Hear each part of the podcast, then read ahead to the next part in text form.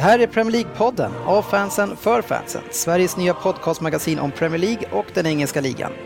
Agendan för vårt 16 avsnitt presenterar vi stolt så här. Marcus Kristensson, fotbollschef på ansedda The Guardian, är gäst i programmet. Vi pratar om hans karriär och arbete på den engelska tidningen. Hur går man på engelsk fotboll som svensk och varför är det sämre tv-rättigheter för ligan internationellt numera? Vi diskuterar Premier League med Marcus och rör vid Arsenals inledning, United och David Moyes och sedan Manchester Citys usla bortaspel. Vi har uppsnack inför helgens toppmatch och derby, Everton mot Liverpool. Och sedan frågar vi Marcus hur ligan ska sluta. Avslutningsvis, som vanligt, kör vi en svår rad denna vecka i Stryktipset. Välkomna säger jag först till Per Svensson, Jörgen Söderberg och Jörgen Lundqvist. Ny måndag och ett nytt härligt avsnitt. Jajamensan, härligt att vara här. Tack så mycket. Kul att se er här. Ja, Ja, detsamma. Kul att se dig. Det är ju Premier League-vecka, men eh, landslagsuppehållet är inte slut ännu och imorgon ska vi se en väldigt nervös match mot Portugal. Ja, det blir spännande, men man har lite bättre känsla eh, nu än, än vad jag trodde jag skulle ha. Det såg ganska bra ut tyckte jag senast. det såg väl bra ut i typ 25 minuter. Ja, men jag menar de skapar inte supermånga chanser Portugal tycker jag. Nej, Elmander borde ha satt sin första, så då eh, hade vi klarat det säkert. Det hade varit supernyttigt tror jag det, men jag tror det blir för svårt imorgon. Ja. ja, vi får se. Det blir spännande och väldigt nervöst. Men nu ska vi podda om Premier League igen och vi har en mycket speciell gäst. Välkommen säger jag till vår gäst i programmet, Marcus Kristensson. Mm, tack så mycket. Hur är läget i London? Jo, det är bra faktiskt. Eh, Vi har just haft en lång dag på The Guardian. Det är England, Tyskland, imorgon på Wembley och så lite Qatar-artiklar som vi behöver få in i tidningen och sådär också. Så jag har just slutat efter ungefär 11 timmar på jobbet. Mjuk start på veckan. Precis, eh, kommer bli värre sen. Ja, eh, det är ganska många timmar och sådär, men det är jätteroligt. Det, det är bara att njuta faktiskt. Får jag fråga en sak bara? Mm. Är du inte chef nu? Jo, ehm, Delegera, är det inte det första man lär sig? Jo, precis. Det är inte det första jag har lärt mig. Så jag, får nog lära mig det i fortsättningen kanske, så jag kan komma ner på 9-10 timmar om dagen. Och så där. Men det, jag har ju bara varit i jobbet, liksom haft jobbet i en, en 5-6 veckor. Så det fortfarande tar lite tid att komma in i vissa saker och behöver prata med alla reportrar och sådär. Och vissa reportrar vill inte åka på de matcherna, så får man prata med andra reportrar och sådär. Så det kan bli långa dagar. Ja, men det är otroligt kul för oss i Premier League-podden att få ha med en sån här uppsatt engelsk fotbollsjournalist som du faktiskt har blivit nu. Vi börjar alltid våra intervjuer med en summering av våra gästers karriärer och eh, det kommer inte bli något undantag för dig, Marcus. Nej, okej då. och efter min lilla resumé så kommer du gärna få korrigera och eh, säga till om jag har svävat iväg med osanningar. Men eh, Okej. tills dess så får du hålla dig. Vi kör igång! Det här är sportjournalisten Marcus Kristensson. Du föddes i New Jersey i USA men flyttade som liten grabb till Stockholmsförorten Rosersberg. Henrik Schyffert, som också växte upp i Rosersberg, berättade i sina memora- memoarer att om du inte sysslade med idrott i byn så blev man rejält utanför. Men det var inget problem för dig som redan som liten hade ett stort fotbollsintresse och lirade boll i den lokala föreningen. Däribland med Premier League-poddens egen mittfältsgeneral Jörgen Storken Lundqvist. Målet var självklart att bli fotbollsproffs och under din karriär så fick du smeknamnet Den vite Barnes då du briljerade med din vänsterfot. Du, Stämmer bra. du som många andra i byn var ju också Liverpool-supporter. Tyvärr så räckte ju inte skickligheten och löpsteget till dina önskade nivåer, så du fick helt enkelt styra om målsättningen och skriva om de bästa på planen istället. Vilket med facit i hand var enormt lyckosamt. Efter din militärtjänstgöring så lyckades du nästla in dig på Dagens Nyheter efter att egentligen efterfrågat vilket jobb som helst. Du hamnade som vaktmästare på kulturavdelningen, men hade dock en helt annan agenda. Och efter tre månader så skrev du din första sportrapport och då om basket. 1995 flyttade du till Coventry och studerade media på universitet. Där fortsatte du din kommande karriär som frilansskribent och blev London-korrespondent för Dagens Nyheter i Sverige. Du skrev mestadels om sport, men täckte även andra ämnen. Efter examineringen fick du redan som 25-åring in en fot på DN och började din karriär på allvar som skribent och reporter. 1999 flyttade du till London och breddade dig lite och började skriva för webben och onefootball.com. Samtidigt levererade du fotbollsartiklar för The Observer, The Times och The Guardian. 2002 flyttade du ner till Italien och till den klassiska fotbollsstaden Milano. Under den tiden tjänstgjorde du även för Uefa.com som Milans korrespondent, men skrev också kring Juventus matcher. Din TV-debut den kom 2003 då Spelkanalen i Sverige värvade dig för dina engelska fotbollskunskaper. Det var inga rörliga bilder, men varje lördag så levererade du via telefonlänk det senaste kring Championship och Premier League till de svenska tipsspelarna. Och jag minns själv när jag klev in i spelbutiken och såg Marcus på bild på tv-skärmarna och man kunde höra hans röst och synpunkter kring de aktuella matcherna. Det var häftigt. Karriären fortsatte uppåt inom fotbollsjournalistiken och du skrev för tidningarna 442, The Observer, Sunny Times, svenska magasinet Offside och så även bloggade du för fotbollskanalen.se i flera år. Men till slut så hamnade du permanent på den ansedda tidningen The Guardian.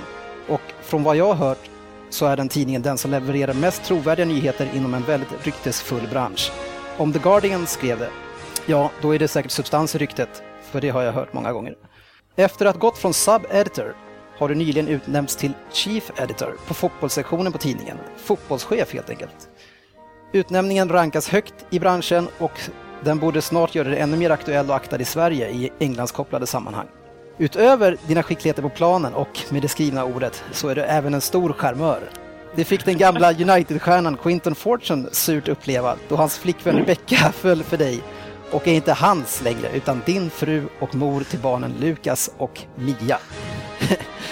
Hur väl prickade vi in journalisten och den vite Barnes med den resumén? Eh, strålande måste jag säga. Ni har nästan lite mer info än mig än vad jag har faktiskt. Eh, men det stämmer väl i stort sett allting måste jag säga. Bra journalistik. Ja, tack så mycket. Mycket research. bra, ja. bra källor. Precis.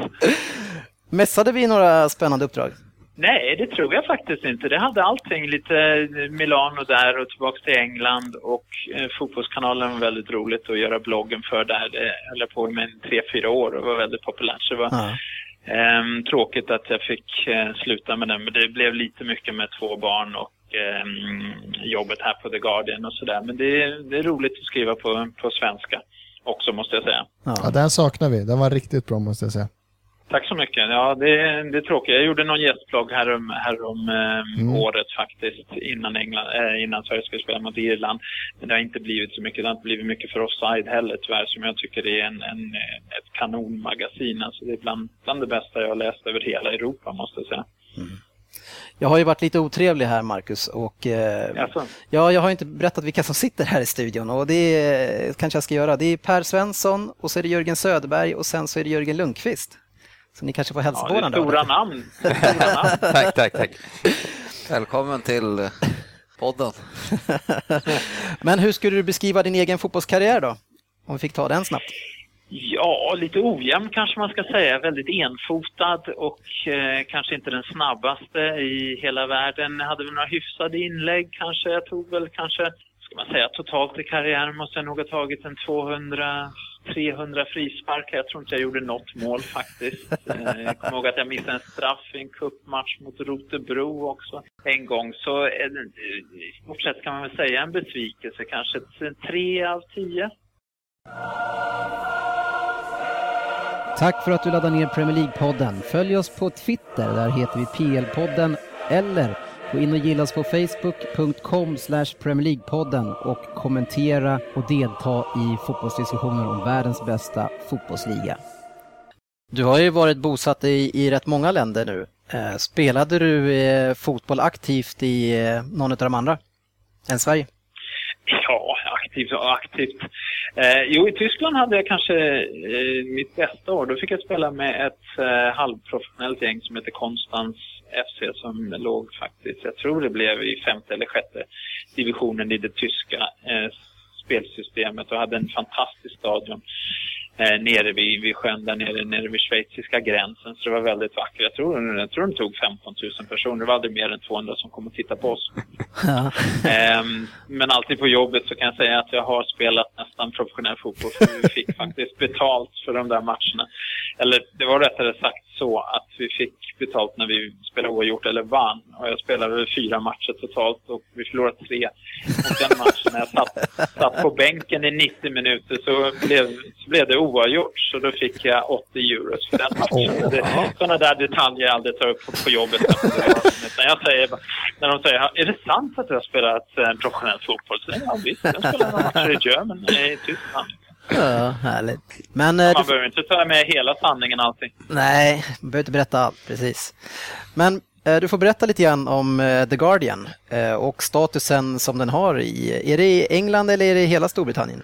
Ja, de, det är väl i hela Storbritannien kan man säga. Det är ju eh, några tidningar som har eh, skotska upplagor eh, då som är ganska stora, men det är de engelska tidningarna som är de största då. Och jag skulle vilja säga att det, det finns i stort sett fyra kvalitetstidningar. Det är The Guardian, The Telegraph, The Times och The Independent. Och de har väldigt bra journalistik, väldigt seriösa eh, artiklar och sådär. Det är inga skandal skandalrubriker och sådär som ni hittar i The Sun och The, Mirror och sådär. Så Mm.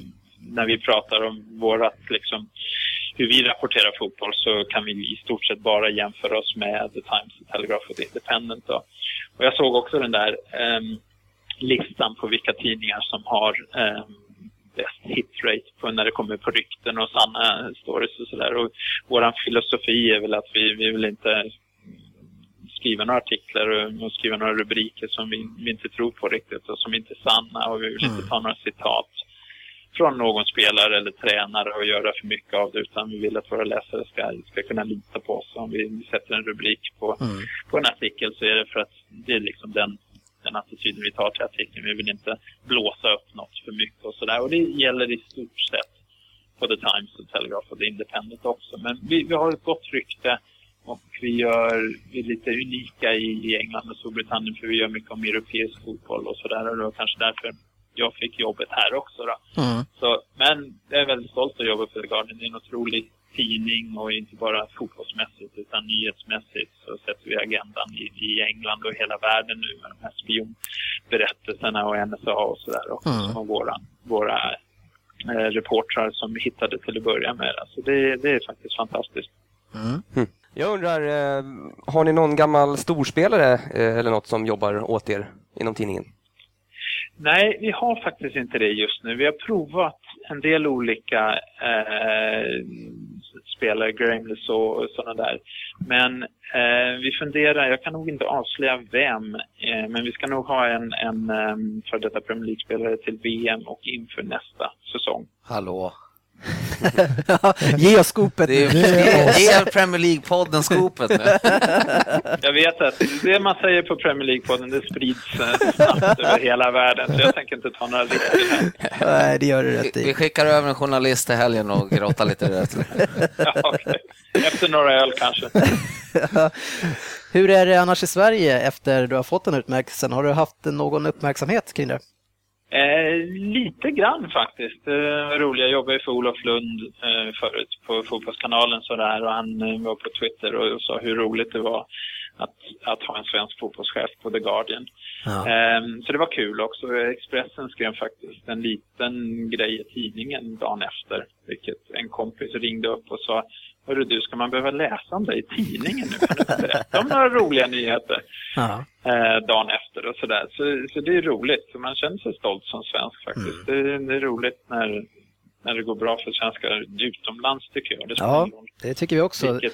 Ja, du kommer ju få, eh, som eh, både Rami Shaban och Niklas Anders Andersson som innan som jag intervjuat, så kommer du få ha nationalsången i introt bakom min röst. Så, Kanon, trevligt. så vi Du- kommer hylla du- dig Nej, som det- stolta svenskar. Du, Ja, och- du och. Henrik Schyffert bär Rosersberg på dina axlar nu, ni i ansiktet utåt. Hur känns det? Aj då, ansiktet ut. Ja, Ja. tufft.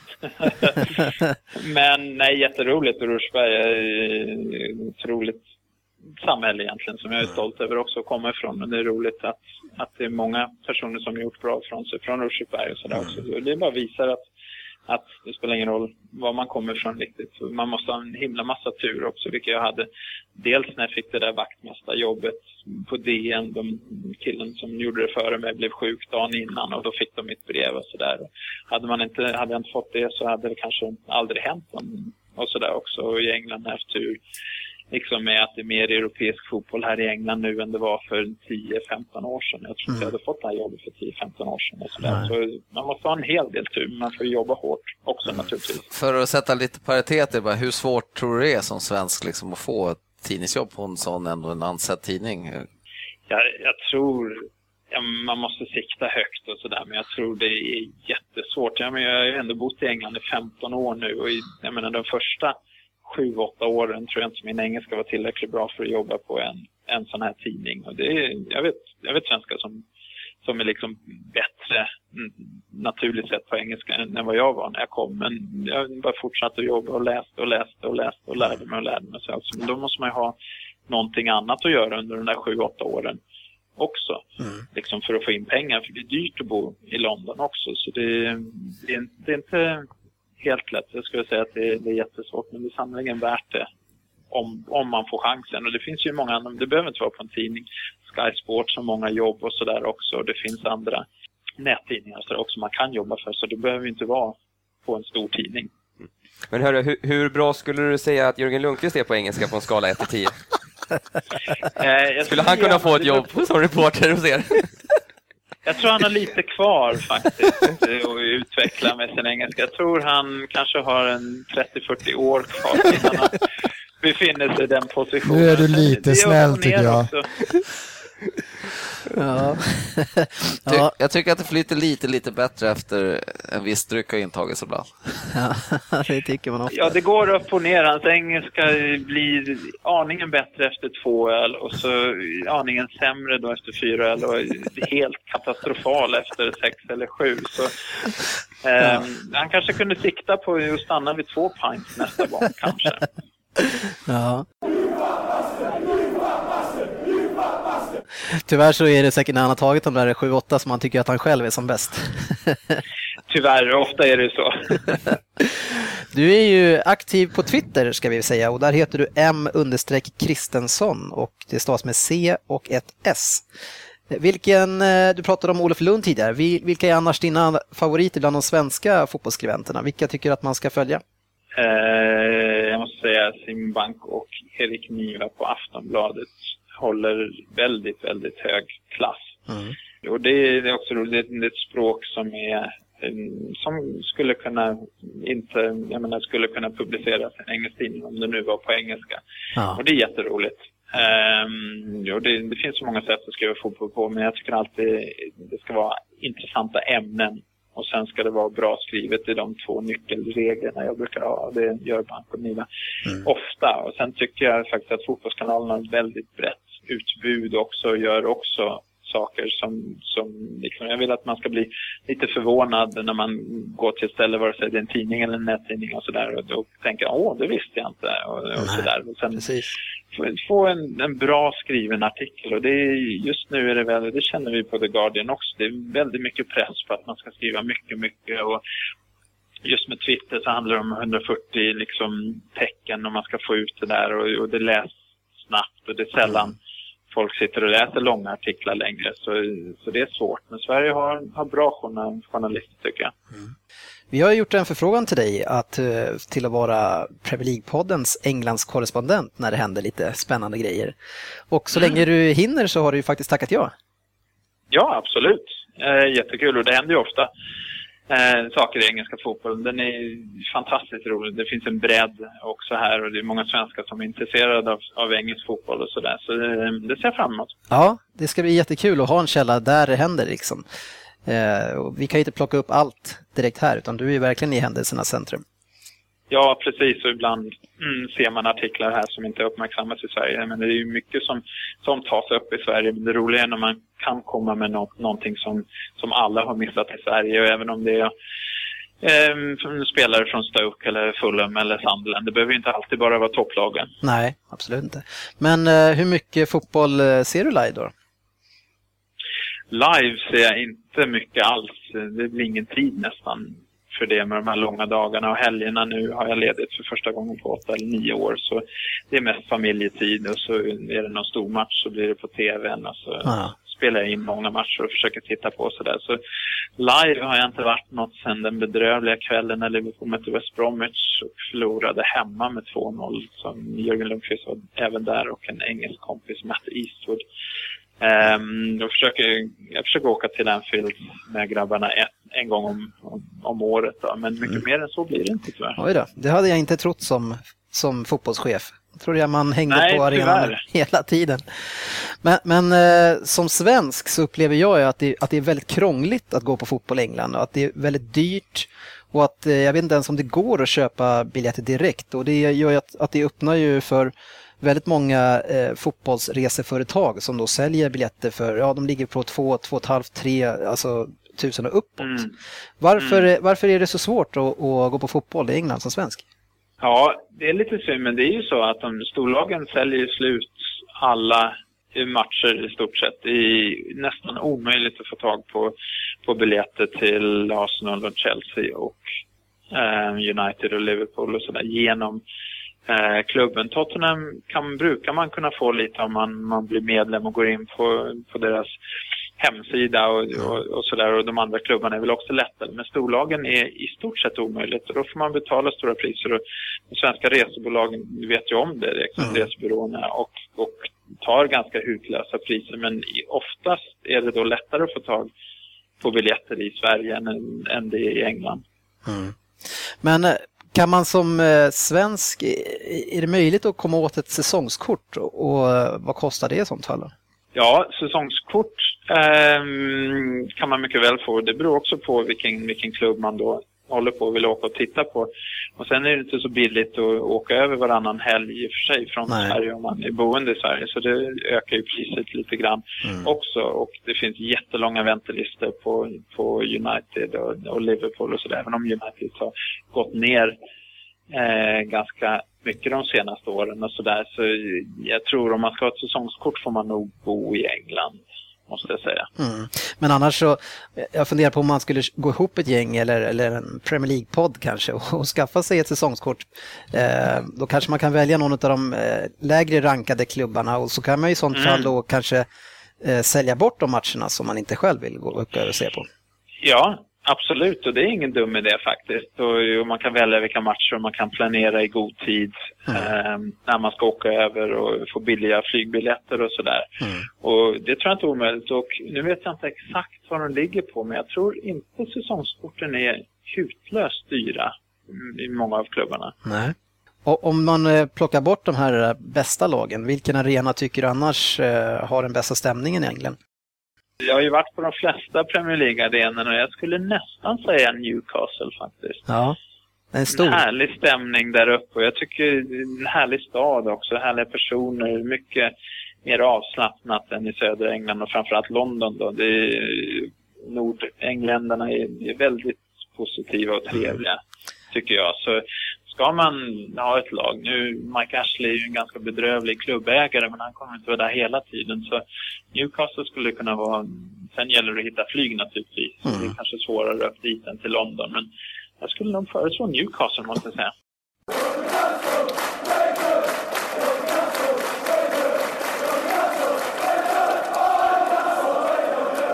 En annan grej som jag funderar på lite grann, eh, i och med att det är så svårt internationellt att gå på de här supermatcherna, och det här kanske inte du vet, men jag, jag frågar ändå. Det är varför har man förändrat eh, tv-avtalen internationellt så vi inte kan se alla matcher på lördagar? Det vet jag faktiskt inte, måste jag säga. Och, eh, det har ju alltid varit lite konstigt för mig här i England, tycker jag, att, att ni i Sverige har suttit och tittat på matcher som inte jag har kunnat se. Um, men jag tycker det engelska fotbollsförbundet faktiskt gör rätt här. Jag, tror inte det är samma anledning i Sverige. Men anledningen till att vi inte kan titta på fotboll här i England mellan tre och kvart över fem är att om de visade Premier League-matcher då så skulle så mycket publik välja att stanna hemma och titta på TV och mm. inte gå till de här matcherna i Championship och League One och League Two. Och det tycker jag är helt rätt. Mm. Ni kan bara tänka er hur det skulle gå för en, klubb från, ja, vad ska man säga, Sheffield Wednesday eller mm. andra ganska stora klubbar. Ja. Om det helt plötsligt var Premier League-fotboll klockan tre på lördagar. Så det, det, är en jättebra regel tycker jag. Mm. Nu vet jag inte varför det har blivit ändrat i utlandet. Det Nej, det var väl lite grann det. Jag kan förstå det där med biljettförsäljningen eh, Mm. i England, men inte, inte i stackars, för oss stackars svenskar som försöker följa ligan.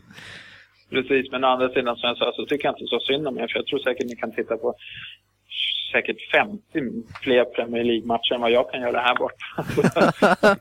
jo, Det får räcka. Ja, kanske. Vi kanske gapar efter lite väl mycket. Men eh, med det sagt så nu eh, får vi snacka lite Premier League tycker jag. Och eh, vår andra programpunkt gäller lite grann det som har hänt fram till och med nu. Fram till det här Ja. landslagsbreaket. Och jag tänkte att vi ska börja lite grann med Arsenal. Och om du kanske först får kommentera deras inledning på ligan som har varit väldigt bra.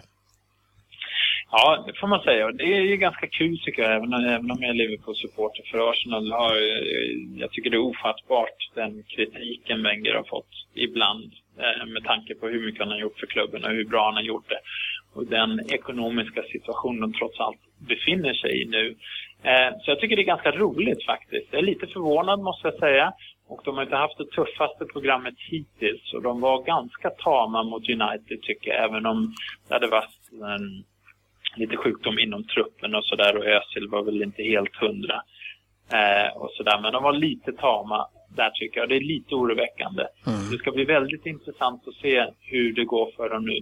Nu möter de Southampton direkt som jag sa på, Ja. på lördag. Och det är en väldigt, väldigt intressant match. För Southampton hittills har gått till, all, alla har gått, när man har åkt till Liverpool och, och vunnit och spelat jättebra med United borta och sådär. De, de ändrar inte sitt spel liksom på bortaplan. Så det eh, ska bli väldigt intressant. Mm. Jag tyckte det kändes som att eh, Arsenal hade en ganska feg matchplan när man åkte till United. Det känns som att man tog med sig massa gammal respekt.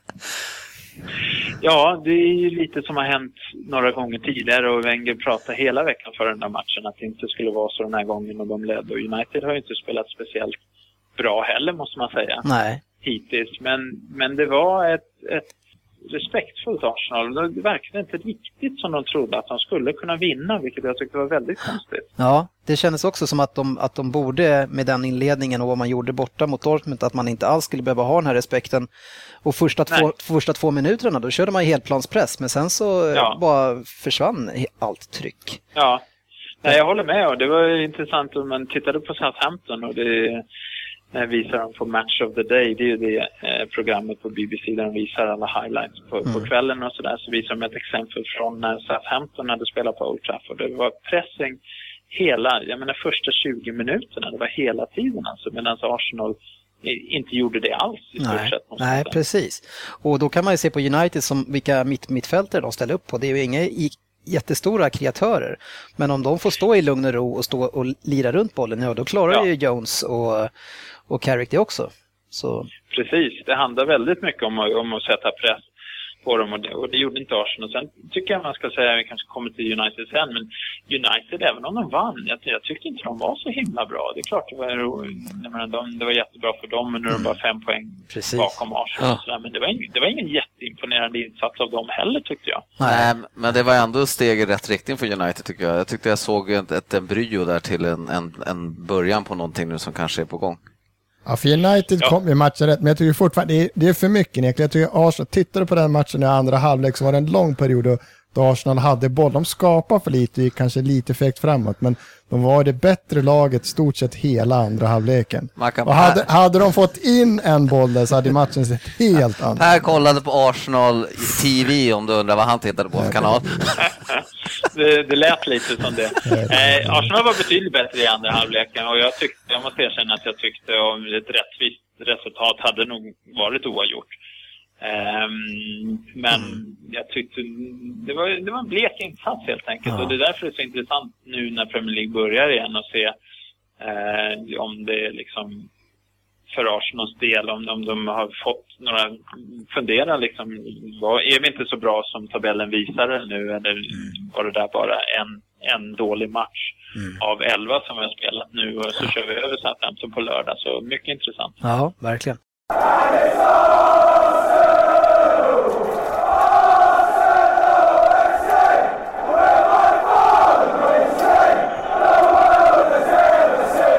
Du såg ju säkert eh, Milan en hel del när Flamini drog över dit.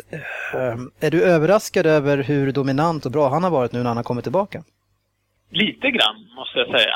Att det, och det är inte så konstigt, för det sa Arsene Wenger att han också var. Att han var överraskad hur bra han hade varit. Om, om han kan vara det kan jag också vara det och, och resten av Absolut. världen. Liksom. Men det, det är en lysande, ett lysande nyförvärv, tycker jag. Och Ja. ja, han vet ju allting om, om Arsenal. Och, och ganska intressant, vi, vi hade en stor intervju med Flamini ganska, för några veckor sedan där han pratade om eh, vad det betyder för Arsenal att han känner till klubben och sådär. Och, och Wenger sa då att Flamini är en, en sån här spelare som, som verkligen har fotbollen rätt. Han spelar fotboll för att han älskar fotboll, han älskar den klubben han spelar för. Och han, delade in dem i två grupper, spelare som, som spelar fotboll för att få en fin bil eller få tjejer eller sådär. Och sådana spelare som Flamini som ehm, gör det för att de älskar fotboll och för att de älskar den klubben. Och det är ganska intressant, men man kunde liksom se att Wenger tyckte att Arsenal kanske inte hade haft tillräckligt som, tillräckligt sådana spelare i de senaste tre, fyra åren och att han var jätteglad att Flamini var tillbaka. Mm. Men så de hade många spelare som hade mycket tjejer då alltså? Ja, just så sa han väl direkt inte.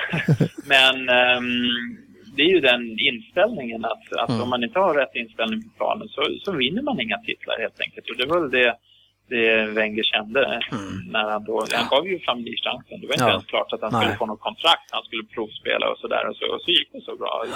Slut. Det är, Ja. det är inget snack om saken. Nej, vi kommer tillbaks till det där med inställning när vi ska prata lite grann om Manchester City sen. Men eh, om vi tittar på det som Arsenal eh, har eh, framåt då med Giroud och Bentner. Tror du man kan vinna ligan med det paret? Ja, det tror jag faktiskt. Och det, jag tycker den här debatten har varit mycket i England. Jag vet inte om det har varit i Sverige också. Är Arsenal tillräckligt bra? Så det är klart de är tillräckligt bra. Vi spelar 11 matcher nu, de leder ligan. Och eh, det är inget annat lag som har visat att de är betydligt bättre. Så jag tror Arsenal har en jättestor chans att vinna ligan. Utmärkt säsong att kunna göra det med tanke på Manchester Citys dåliga bortafacit Ja. hittills. Så det verkar inte riktigt fungera för Chelsea heller. De har haft många överraskande resultat och sådär. Man kollar på Arsenals nästa matcher, det är Southampton och, och så är det Cardiff borta, inte alls omöjligt. Hull hemma, Everton hemma och sådär. Och nästa stora match är Manchester City i mitten av december och sådär. Och då kan de ha plockat upp menar, fyra, fem, tre poängare till. Så det är inget snack om saken. Tycker jag att de är, är, har en stor chans att vinna ligan. Nej, men hur känner du kring, eh, det är, det är Giroud då som är första alternativet, men du, du tycker inte att han behöver förstärkas i januari med, med komplement eller en, en som är bättre? Jo, framåt så behöver de nog någonting för om, om Giroud skulle gå sönder och bli skadad så tror jag nog inte just nu att man kan vinna ligan med den truppen man har. Och det är många lag som spelar utan anfallare nu och det är möjligt att Wenger skulle prova någonting sånt också. Nu spela Casola eller någon längst framme. Men jag, jag tror inte en hel säsong att Arsenal har de spelare som, som skulle kunna göra att de vinner en ligatitel. Då de behöver en, en frisk som, som kan göra 20 mål kanske den här säsongen eller en, ett, ett vasst alternativ och det vi vet ju att det är inte Niklas Bentner då. Nej. Nej, det får vi inte hoppas. Jag eh, fick ju en uppenbarelse för några veckor sedan när jag, eh, när jag kollade på en match med eh, Real Madrid och de stod och buade ut Benzema eh, när han hade missat och då kände jag bara nej nu kommer han, nu kommer han gå till Arsenal i antingen januari men senast i sommar. Är det någonting som eh, The Guardian har plockat upp något rykte kring honom? Jag tror inte Benzema kommer eh, flytta någonstans i januari. Det, kan jag faktiskt inte tänka mig. Och även om han, han har haft det tufft där också. Man såg ju på Higuain när han gick till Napoli vilken befrielse det var och hur bra han har varit och sådär. Så Benzema skulle vara jättebra för Arsenal tror jag. Jag tror faktiskt han är en jättebra spelare. Ja. Men jag kan inte tänka mig att det händer i januari. Min, Eh, min, tes, min tes är ju i sånt fall då att eh, Suarez eh, kommer lämna för Real Madrid. Aldrig. Eh, ja, precis. Men det kommer inte hända i januari heller. Det finns inte en chans. Nej, släpper. Jag skulle bara höra Ja. flickan, eh, dina tankar kring Ramsey som är, har ju liksom växt oerhört den här säsongen och varit ja, men helt sanslöst bra, nästan för bra. Man kan knappt tro att det är sant. Hur han efter all skadeproblemen och benbrottet och allt det här och hans otroliga återkomst. Ja, det är jätteroligt tycker jag och det bara visar och det, jag pratade med några Arsenal-supportrar här, häromkvällen faktiskt på en, en fotbollsmiddag vi hade med The Guardian.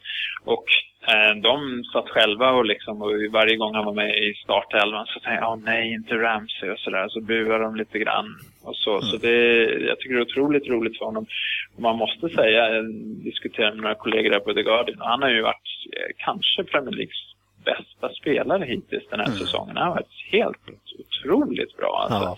Och det är en stor del i att Arsenal ligger där de ligger nu och även i Europa så har han varit fantastisk med ja, sina för... mål. En, han har blivit en komplett spelare helt enkelt.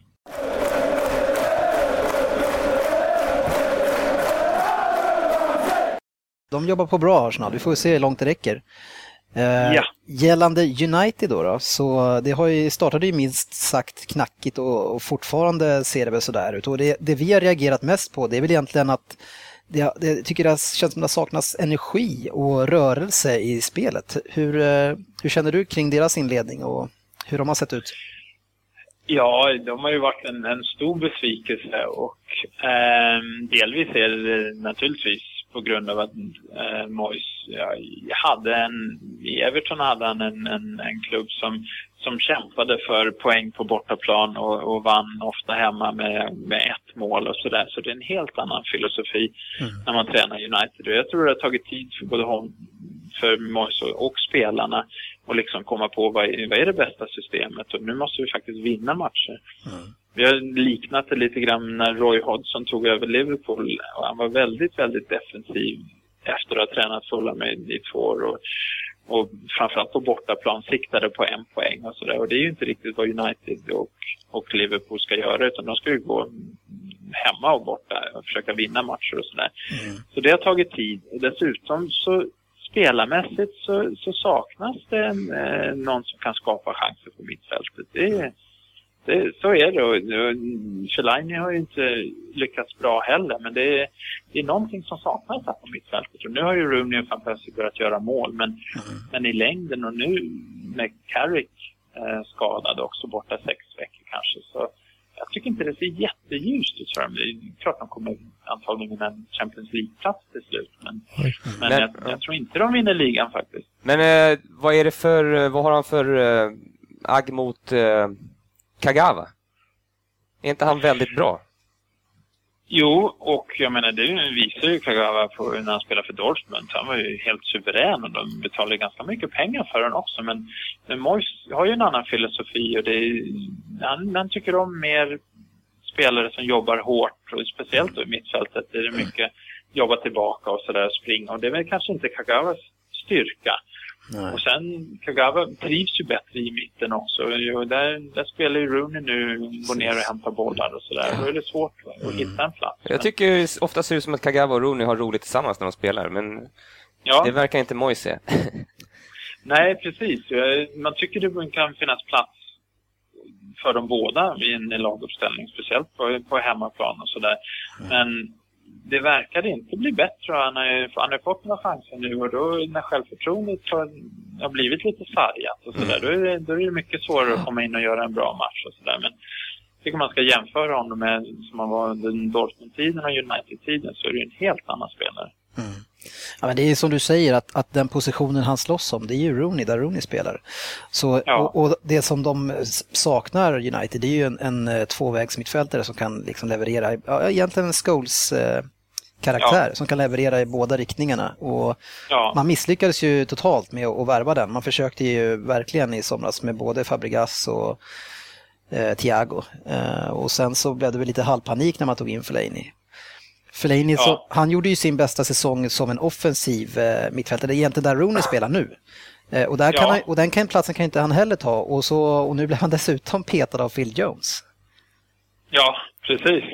Och det säger väl lite vad, vad United är just nu, men det, jag menar deras um, sommarvärvningar var ju egentligen hela sommarperioden var en katastrof egentligen. Mm. Och, och, så skulle de försöka få Herrera från, från Spanien till mm, slut mm, under sista dagen. Liksom. Mm. Så kan ju inte en storklubb handla. Man kan inte panikköpa om man är i den positionen. Och jag tror Fabregas aldrig liksom var intresserad. Så varför ödslar man tre veckor på, på en sån värvning. Nej, liksom. precis. det, det, måste de, det måste de ta ansvaret för. Det var delvis Moyes och Ed Woodward som är ny i United-toppen där, som inte var van heller som har tagit över Mm. från David Gill och sådär. Så det var ju mycket ändringar och det är klart man kan inte, man kan inte vara en maskin hela tiden heller. United måste ju få en period där det kanske inte går allt på räls. Man har haft en tränare från Ja.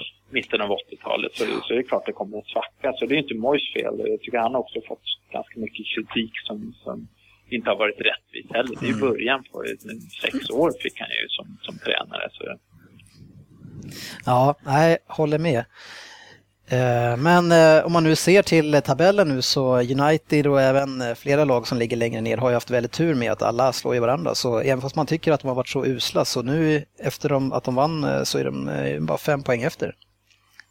Absolut, och det, är, det tycker jag är jätteroligt med Premier League den här säsongen. Det är ju verkligen spännande med, med lag. Jag menar, kan kolla på Manchester City i åttonde plats efter Mm. allt. De har liksom Ja. spenderat sex poäng efter Arsenal och, och tre poäng tror jag det är efter Southampton. Och så. Det är jätteintressant att två lag har ryckt i mitten av november. Ja, ja jag, jag är ju City-fan och har ju varit väldigt kritisk till hur man har värvat och hur själva truppen är, är byggd. Och centrallinjen och ryggraden är ju extremt bräcklig, där man står och, och faller med, med Company och Yahya Touré. Uh, hur ser du på den truppen som man har och, och hur man värvade i somras?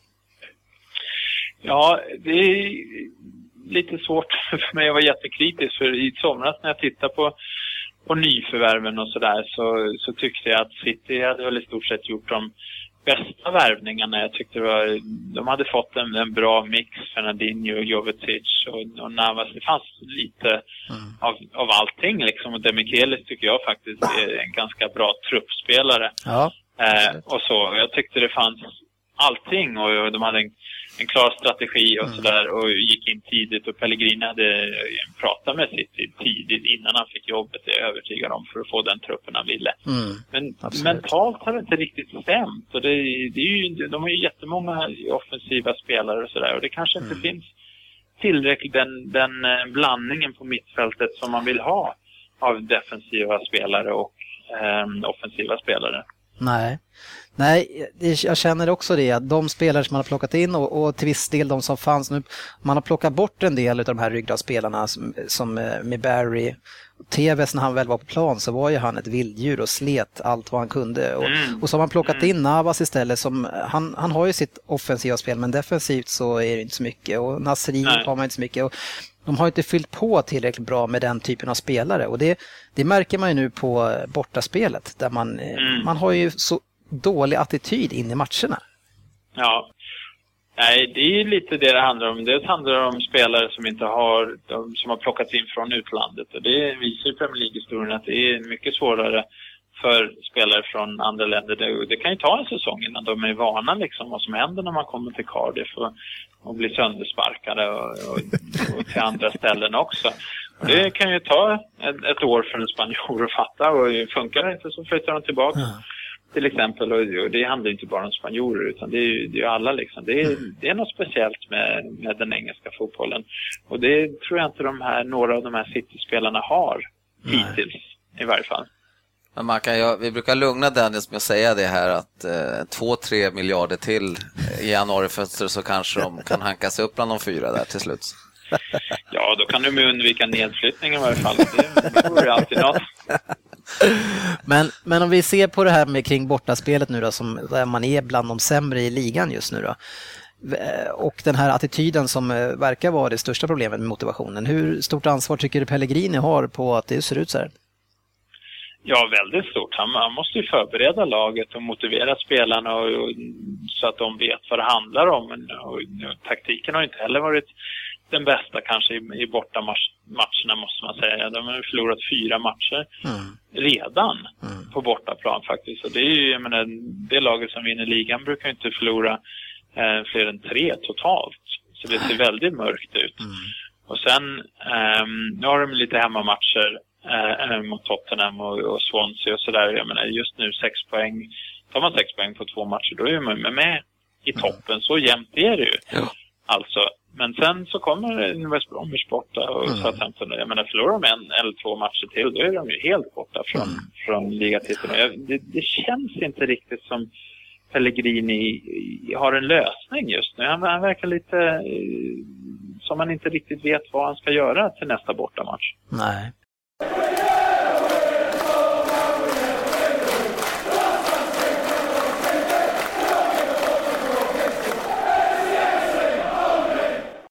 Vi har ju eh, Merseyside-derby nu i helgen som du såklart har bra koll på när Everton möter Liverpool. Eh, hur många derbyn har du sett på plats? Eh, ungefär noll. Om jag ska vara ärlig. Då stryker vi fem frågor här.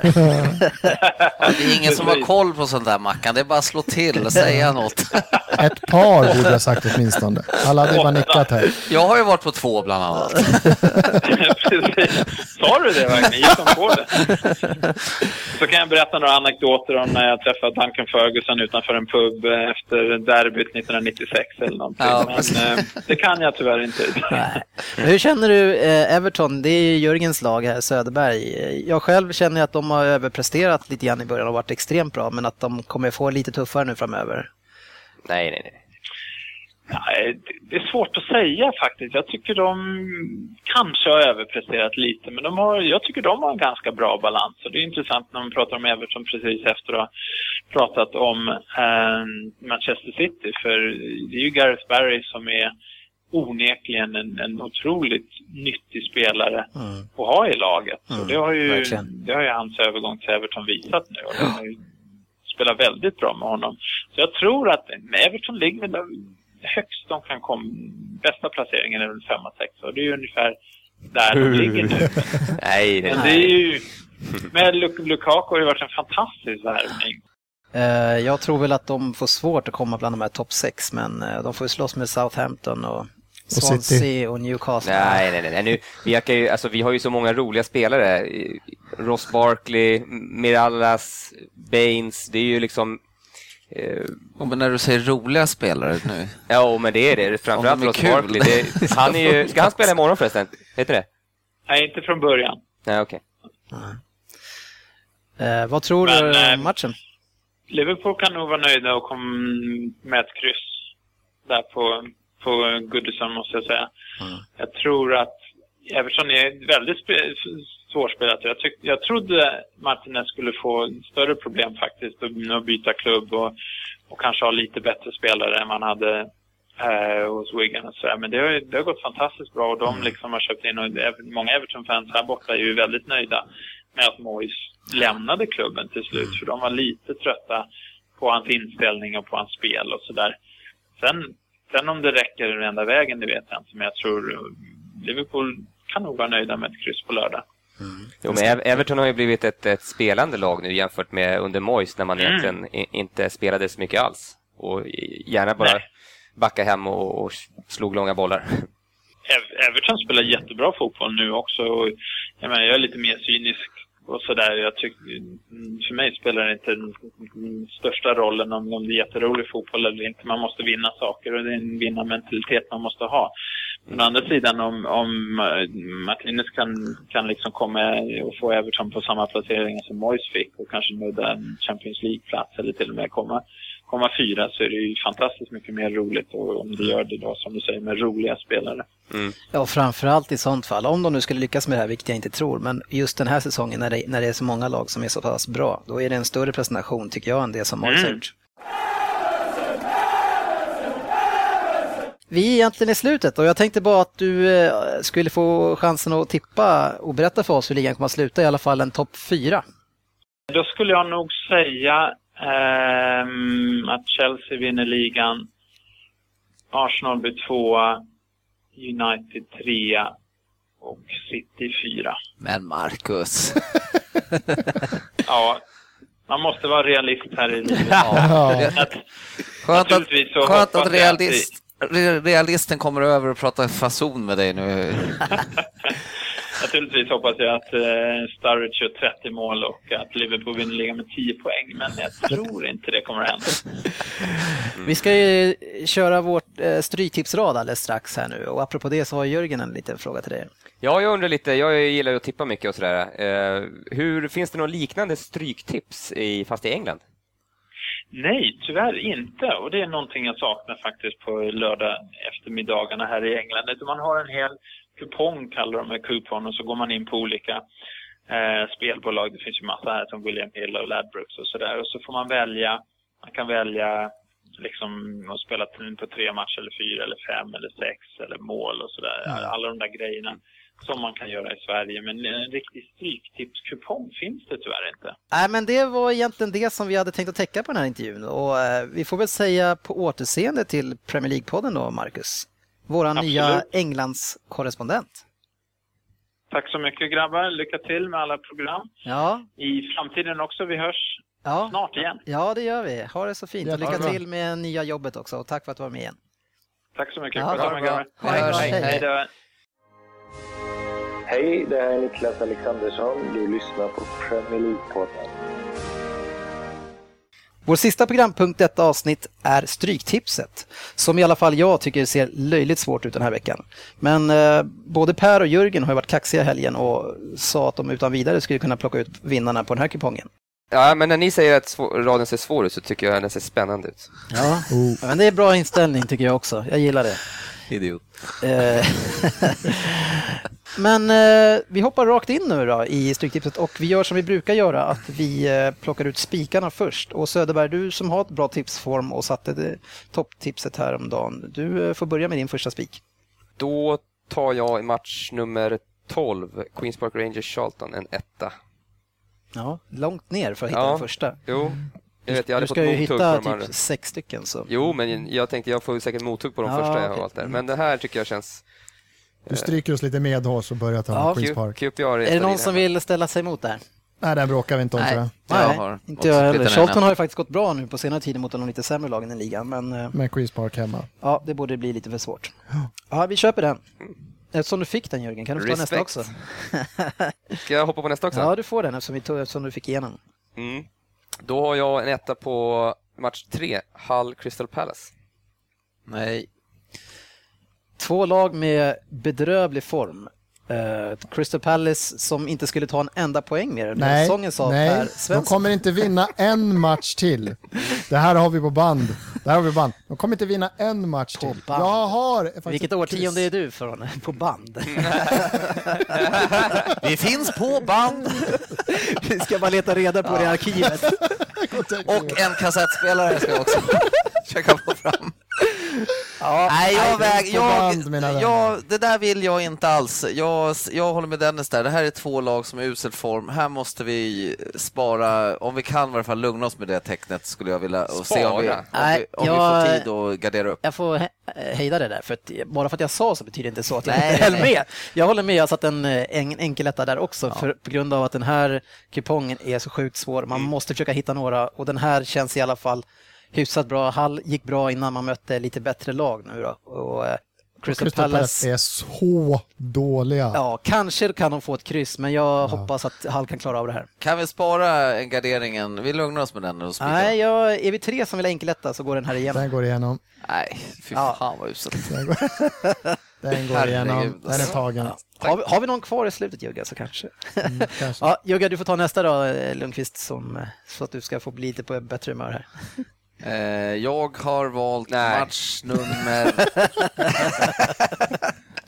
jag har så många godbitar. Jag spikade ganska mycket Championship-matcher faktiskt, men jag väljer en av dem och jag, mitt favoritgäng som jag ville spika redan förra veckan men inte fick. Jag vill spika Nottingham hemma mot Burnley. Aldrig. Aldrig i livet. Nej. Ett kryss två har jag där. Burnley är ju jättebra ju. Ja, men det är Nottingham också. Jag tog bort en tvåa krysset. Etta krysset ett minimum på den matchen. Nej, aldrig. Det är så usel. Nej. nej den finns där, inte.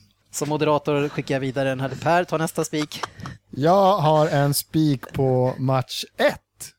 Eh, Arsenal hemma mot eh, Southampton. Southampton är ett bra lag, men de har haft många killar nu med på landslaget. De har fått starta, de har spelat. De, det har gått sådär. De är inte, de är inte på samma klass som Arsenal. Arsenal går fruktansvärt bra, är fruktansvärt bra hemma. Det ska bara vara en etta. Mm, Alltså Arsenal har ju förlorat både mot Chelsea och United som är topplag, så jag tycker inte att den här är helt självklar. Jag har lurat med ett kryss här. Vad säger du Söderberg?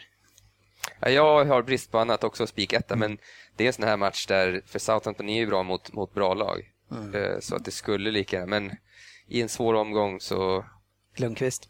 Det finns, Nej, jag det spikade, finns andra matcher som jag behöver garderas. etta där också. Eller spiketta. De ska vinna en sån här match om de är så bra som Svensson säger. Så jag tror inte Men det är de inte.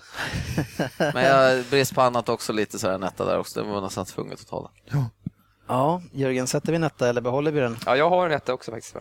Det var tre Ja, då. det är bara jag. Kan vi spika Hall så kan vi spika Arsenal. Tydligen. Ja. Ehm, du fick ju den där Ja. Per, så då får du ta nästa också. då Det är nya standarden Ja, känns som. den gillar vi. Den gillar vi. Ja. Då tar vi den som vi får mottag på. Då. Men jag tror att match 4 Newcastle hemma mot Norwich är en, är en etta. Eh, Norwich har visst helt plötsligt börjat göra lite mål, men så bra är de inte så att jag tror att de kan åka upp norrut och vinna mot Newcastle. Newcastle har börjat se bra ut. De har börjat tänka lite mer på laget. De har bankat lilla Ben Afra för att få ett bättre, ett jämnare lag och de har, de har sett bättre ut. Jag tror att de vinner hemma. Jag tycker också det är en bra Ja, chans. Jag har, de har spi- jag har tänkt om. spikat också. Just att de har tänkt om. Jag tror de har tänkt, han har tänkt om lite. Han vet att han kan inte ha, han, han, han måste få in ett lag nu. Han måste börja spela. Det, det ser bättre ut. Ja, men jag tycker vi kritar i en etta. Jag har enkel etta också. Enkel ett. Eh, sen har jag en eh, etta på match 7, Blackburn. No. Aldrig i livet. Nej, jag skulle bara kolla. Ja, Nästa. ja vi kör en sista då innan vi går på raden så får vi se sen. Jag gör det här bara för att det här jävla laget är bland det värsta jag vet på Stryktipskomman. Jag spikar Ipswich hemma mot Leicester. Jag med. Oh, nej, jag har etta två där. Ja, Leicester. Leicester är riktigt bra. Ja, men vi har åkt på Och, Leicester fyra veckor i rad. Ja, men de ligger ändå i toppen och vinner sjukt mycket matcher. Eh, Ipswich Ipswich är jättestarka hemma. De har, in, de har inte torskat på sina fem senaste. Nej, men jag vill gärna ha med en tvåa där också. Leicester, man vet inte vad man har dem, men det är etta, tvåa. Det är Känns som som... onödigt två. Ja, så fall en etta kryss i så fall. Nej, Det är en jag- rolig helgardering. Vi, vi hoppar upp... var eh, Procent, vad är det på Leicester? Ja, men det är lite Nej, tidigt. men vi hoppar bort till match två istället. Vi, vi släpper spikarna så Okej. länge. Eh, som är då Fulham mot Swansea. Och där har ni lagt in en helgardering allihopa. Jag, Ja. Ja, eh, varför ska vi ha med Fulham för? De ska med. därför att det är ändå... det Ja, är ändå De är så kass nu. Alltså, kass och kass, de, fan, de har ju rätt schyssta spelare. Och det är alltså. med- det har vi sagt hela säsongen. Ja, men det är ett medgångslag. Får de, får de ett mål, då, då kan de lika gärna vinna det här så de kan torska med 3-0. Det är väl en helgardering om något. Ja, ja, men då är det en helgardering. Helgardering. Men kom ihåg att jag... Jo, men jag har några sådana också. Kom ihåg. Match 5, Stoke mot Sunderland. Ett förväntat bottenmöte innan säsongen och nu verkligen ett bottenmöte. Och kanske aspirant till eh, säsongens tråkigaste match kanske. Jag tänker inte se den i alla fall. Ett kryss två har jag satt. Ett kryss två. Hel här också. Ja. Ja, jag hade egentligen spikat en etta på Stoke. Bara för att Sunderland är så dåliga. Men eh, Fast de har ju faktiskt vunnit tre av senaste fyra nu. Så, så man kan ju ge dem lite cred i alla fall. Vi får glömma säsongsinledningen nu. Det känns som kryss tycker jag, men, eh, men ett kryss två för att Sunderland kan skrälla här. Match 6, Birmingham-Blackpool. Och eh, Birmingham som är extremt ojämna. Blackpool kryssar sjukt mycket. Här känns det som att det faktiskt kan bli en, en hemmaseger också, så det är ett kryss två för mig här. Jag har också ett kryss två. vad sa du nu? Att det faktiskt kan bli en hemmaseger? Därför tar jag bli. etta, kryss två. Ja, men alltså Blackpool är ju favoriter och, och eh, ska man kolla på historien så, så på deras matcher så blir mycket kryss här. Men eh, jag tror Birmingham också kan vinna, så det här för mig det blir en hel Ja, gardering. den är jättesvår. Är den. Och Birmingham är ojämna som du säger. De vann senast borta mot nå... Här hittar jag min roliga etta. Jag har spikat en etta där. Jag, Jag, tror Birmingham jag tar det. kryss här faktiskt. Jag tror Birmingham kan ta det. Jag, kan, jag tror de tar det. Ja, nej, jag, jag, I brist på... eh, Jag tycker att det ser otroligt svårt ut och Blackpool kan ju mycket väl åka och vinna där. De har, Ja, jag, jag, kan, jag kan sträcka mig till etta kryss, men eh, säger som vanligt, men eh, skitsamma. Jag tycker det är idiotiskt att ta bort tvåan, men kör på ett kryss ni. vi kan ha den i åtanke lite längre fram eftersom jag också har etta kryss två där. Eh, match 7, Blackburn mot Reading. Eh, Reading är bättre lag på pappret, men har ju lite djupdykningar då och då. Och så är det bortaplan. Etta, tvåa har jag. Ett kryss. Ett kryss två har jag. Nej, jag har en spiketta. Blackburn. Nej, jag läste, det var därför jag tog Jag ville ha mer. Jag var lite inne på Reading där, men så läste jag om Blackburn idag och de... Nej, de är på G. Hårdsatsande Reading är ändå bra, liksom, men de har ju också... De åkte på en stjärnsmäll mot eh, Sheffield Wednesday med 5-2. Ja, herregud. Men eh, etta, tvåa, vad får jag för... Ja, I så fall etta kryss. Etta Alltså. kryss i så fall. Fan, en tvåa. Jag gillar inte etta tvåor sådär. Alltså. I de där Championship Men är Blackburn favorit i den här matchen? Ja, Det är tidigt det, ändå. det blir nog Ja. ganska Det jämnt. blir, Alltså. nog- det blir nog... Men är de favoriter i matchen Ja, just nu inte? är de det, men det är Men är, vadå just nu på procent? Men är de favoriter för, för oss i matchen? Är de favoriter? Blackburn. För mig, ja. Ja, ja. Jag har ju satt en etta. Det är för att jag tror att de vinner. Ja, ja. Bara för hemma. Hade det varit tvärtom, Reading hemma, så är de favoriter. Ja. Så det, är ja, det här är en sån match. Det är, här, här får de enbart ettan för att de är hemmaplan. Ja, ja. Kör på det då, etta kryss, jag ger mig. San, sanningen är den att, att för eh, vad är det, två, veck, två veckor sedan nu så gjorde jag ett tips för alla oss och jag kammade hem sex rätt så jag håller lite låg profil. Jag vidgar min tid här borta också, snart så. Nej, du kommer aldrig få göra tipset själv. Match åtta, eh, ett hemskt lag att tippa, men det är Bournemouth som möter Derby.